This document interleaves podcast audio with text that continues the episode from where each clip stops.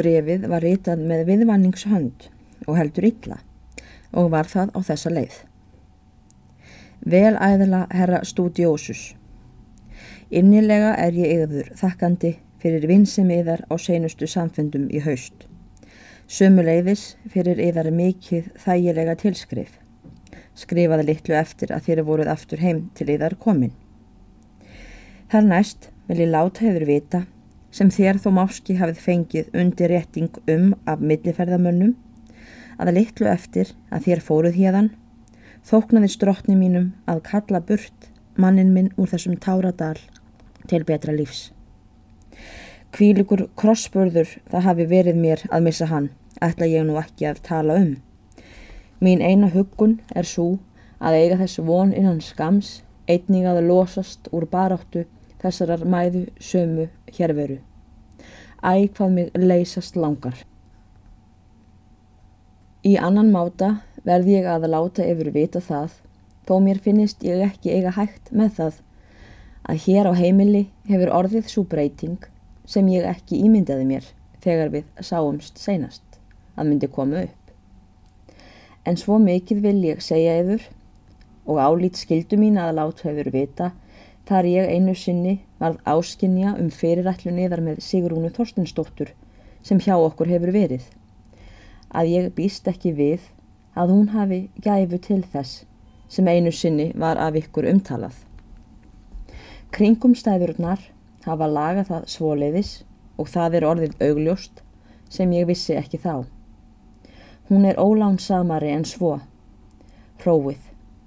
Ég ætla ekki að tala frekar um það við yfir en þetta. Líklegast verður hún hjá mér næsta ár, því ekki geti fengið af mér að vísa henni svona út á klakan þar sem hún hefur svo lengi dvalist hjá mér. Og ég ráðagjörð er það að Egil Grímsson sem hér var í sumar eða var og aldrei skildi verið hafa komi hingað aftur. Þetta vildi ég ekki láta býða að segja yfir allt saman svo að þér vissu það við tíma, fyrir ég vil ekki draga prett af nokkrum. Ég vona þér takið ekki illa upp einlagni mína og fyrirgefið mér þessar fáu og styrðulínur. Lifið þér ætið farsæl, vil ég svo mig að finnast með bestu óskum, eða skuldbundin vinkona Þórti Spjarnandóttir. Þess er áður getið að Þórarinn unni Sigrúnu heitt og alúðulega. Hann hafði áður á hverri einveru stund sinni hugsað um heitmi sína sem hann unni jamt öndinni í brjósti sínu. Hvert sinn sem hann vaknaði að værum blundi kvarlaði hugurinn til hennar. Þó hann væri að lesa eða skrifa og hann ætlaði að líma huga sinn við það sem hann var að gjöra, var hann óðara horfinn til hennar eins og ótaminn fuggl sem elskar sjálfræði, flýgur út í loftið óðara en sleft er af honum hendinni. Hjá henni leik hann sér stundum saman. Þar til þórarinn eins og með valdi nætti hann til að hugsa um vinnu sína. Á kvöldum var seinastu hugsunin sem hann sopnaði út frá um hana. Í svefninum hafði hann hugsað um hana og vakandi dreymt um þá ánægi stund er hann fengi bref frá henni. Svo það mátti svo að orði hveða að hann var margfallega búin að njóta þeirrar gleði í huga sínum sem nú varð að engu. Það getur því hver sem hefur tilfinning ímyndað sér hvernig þórarni nú muni hafa brúðið við að fá þetta bref. Það var tvent er að varnaði þórarni við örvandingu. Það fyrst að hann var maður stiltur og hafði tamið sér að stjórna gefi sínu ef honum bárust snöglega, gleðifrettir eða sorgartíðindi. Og þar næst unni hann Sigrúnu svo mikið að hann gati ekki trúa því um hanna sem miður mátti vera eða hún hefði reynst sér ótrú. Þar sem hann aldrei hefði getað fundið annað í fari hennar en reynskilni og einlaga ást til sín. Hann velti þessu fyrir sér og þá barðist hjarta hans um hríð, ímist við oftraust eða kvíða um það hverju hann ætti að trúa. Þó varð svo hugsun yfir sterkari hjá honum að svo myndi vera að Sigrún hefði bröðið trúnaði við sig. Hann gati ekki ímyndað sér, er hann fór betur að gæta að, að Þórtís fóstra Sigrúnar hefði farið að skrifa honum þetta nema það væri satt. Til hins sama sá hann og að var bent í brefi sér að sigvalda og myndi mái hans ekki hafa verið það óljúft að geta orðið fyrstur til að segja honum frá þessu. Þar eða hann jafnan hefði róið að því öllum árum að þau mættu ekki njótast. Þegar þórarinn var að berjast við þessar hugsanir kemur síslumadur í herbergið og farði honum bref er hann átti að skrifa og töluðust þeir við um hríð. Fór þórarinn síðan að rita það er síslumadur hafi fyrir hann lagt en ekki gekk honum það greitt því þrísvarsinnum um kvöldið var þórarinn að rita brefið upp áður síslumadur sagði að nú mætti það vera. Virtist síslumanni þetta kynlegt því þórarinn var skrifari hinn besti og ritaði bæði sett og fagurt. Ekki fegst hann samt um þetta, annað en hann sagði. Ég held þórarinn minn að það logi ítla hjá þér ljósið í kvöld. Það er þó ekki vant að ganga svona styrt fyrir okkur. Eða er þér nokkuðu leitt? Þórarinn róðinaði við því og gekk út. Fór síðan venju fremur snemma að hátta. En ekki varð honum sælt þá nótt. Því ætið er hann ætlaði að sopna Kvörluðu hinnar sömu hugsanir í huga hans.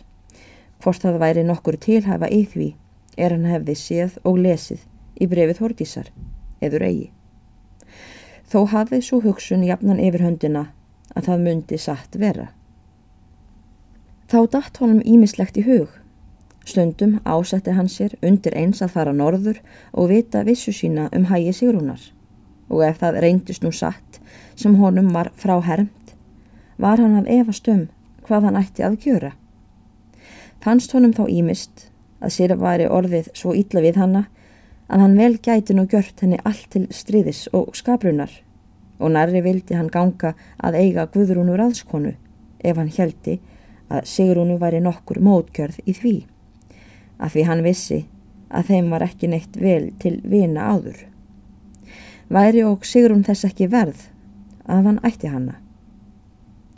Aðra stundina fannst honum sem ástans til Sigrúnar hefði aldrei verið meiri en nú. Virtast honum þá sem hann myndi geta fyrirgefið henni allt. Gret hann þá fögurum tárum yfir forlögum sínum og ömkaði ólán hennar. Ef það ætti fyrir henni að liggja að eiga Egil Grímsson. En fóstra hennar slefti hendi af henni eins og hún líkast til myndi gjöra eftir því sem henni færust orð í brefinu. Þannig lág hann alla nóttina og gati ekki nótið svefns fyrir en rétt um dagramótin að nokkur blundur rann á hann. Hann vaknaði fyrir halvbyrtu morgunin eftir. Klættist hann þá skjótt og gengur út. Móru heimamenn þá ekki upp staðinir nema þeir er syndu útistorfum. Gísli var á komin á fætur. Hafði honum heldur ekki orðið samt um nóttina. Var hann lengi að hugsa um það hvernig á því gæti staðið að hann hefði ekki séð blekklessuna sem átti að vera á horninu á brefið því er hann tók í hlýð en ekki var á því er hann fekk þórarni. Hann gekk nú og letaðist um kring þar hjá bænum en er hann sér að þórarinn er komin á fætur gengur hann til hans og býður honum góðan dag. Tóku þeir nú tal saman og fréttir þórarinn um tíðindi úr staðarrepp. Þórarni var kunnugt um fólk á hverjum bæ og þykir gísla það engin furða þó hann spyrði all ítarlega þar sem hann var grandkunnugur. Spyr Þórarinn fyrst á víð og dreif og leysir gísli úr af letta. Þar kemur loks að Þórarinn víkur ræðunni til hlýðarfólks. Spyr hann gísla að hvort hann hafi komið að hlýð áður en hann fór söður og játar gísli því. Þá spyr hann hann hvort hann hafi séð þar fóstur og segir gísli sem var að hann hafi hitt Þórdísi og hún hafi beðið sig fyrir brefið en ekki hafi hann séð Sigrúnu. Hyggur þá Þórarinn að hann muni segja sér í óspurðum frettum eitt hvað af henni, þar eða hann myndist á hanna. En það var þó ekki. Annað hvort að því gísli var raunar ekki lægin á það að bera út óhróður af mönnum eða hins vegna að hann hefur haft einhverja vittnesku að því að þeim Þórarni og Sigrúnu hefði einhver tíma verið vel saman. Þórarinn þagði litla hríð og eins og beigð eftir því að gísli segði sér eitthvað meira. En er hann sá, en það myndi ekki verða, hófst hann sjálfur máls að því, er hann veldi vita, og segir Segðu mér lagsmaður, er nokkuð hæfti því sem mér hefur verið skrifað að Egil Grímsson fari aftur á hlýð, er það hann fór í haust eða var, og að Sigrún Þorstinsdóttir munu ekki vera óhindruð með honum. Mér er sagt það fortagslaust. Og ekki veit ég það, sagði Gísli, hvaða hæfa er til í því. En yfir í einlagni að segja, fyrst þér spyrðið mig að því, þá hef ég hert því fleikt að fleiri en einum. En eins og ég sagði, fullir því ekki neitt þar um, en þetta er skrafað og ekki veit ég nefn að það berist tilbaka og þá vil ég ekki láta hafa það eftir mér. Svo þú hefur heyrt það talað, saði Þórarinn. Já, meir enn, saði Gísli. Það hefur þá dreyið saman með þeim, saði Þórarinn og glottið við. Þó það hlýðar fólk þættist ekki ætla að gefa honum hana í sumar. Svo hefur það orðið að vera, saði Gísli.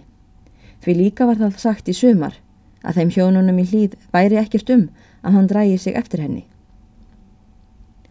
Lengra gæti ekki samtal þeirra gísla og þórarins orðið um þetta efni.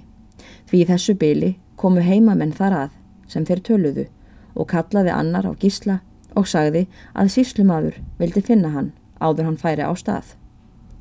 Gengu þeir það báður inn og fór þórarinn til herbergi síns en er gísli nokkur síðar ætlað á stað og vildi hverja þórarinn fannst hann hvergi og fór það svo að þeir kvöttust ekki að því sinni.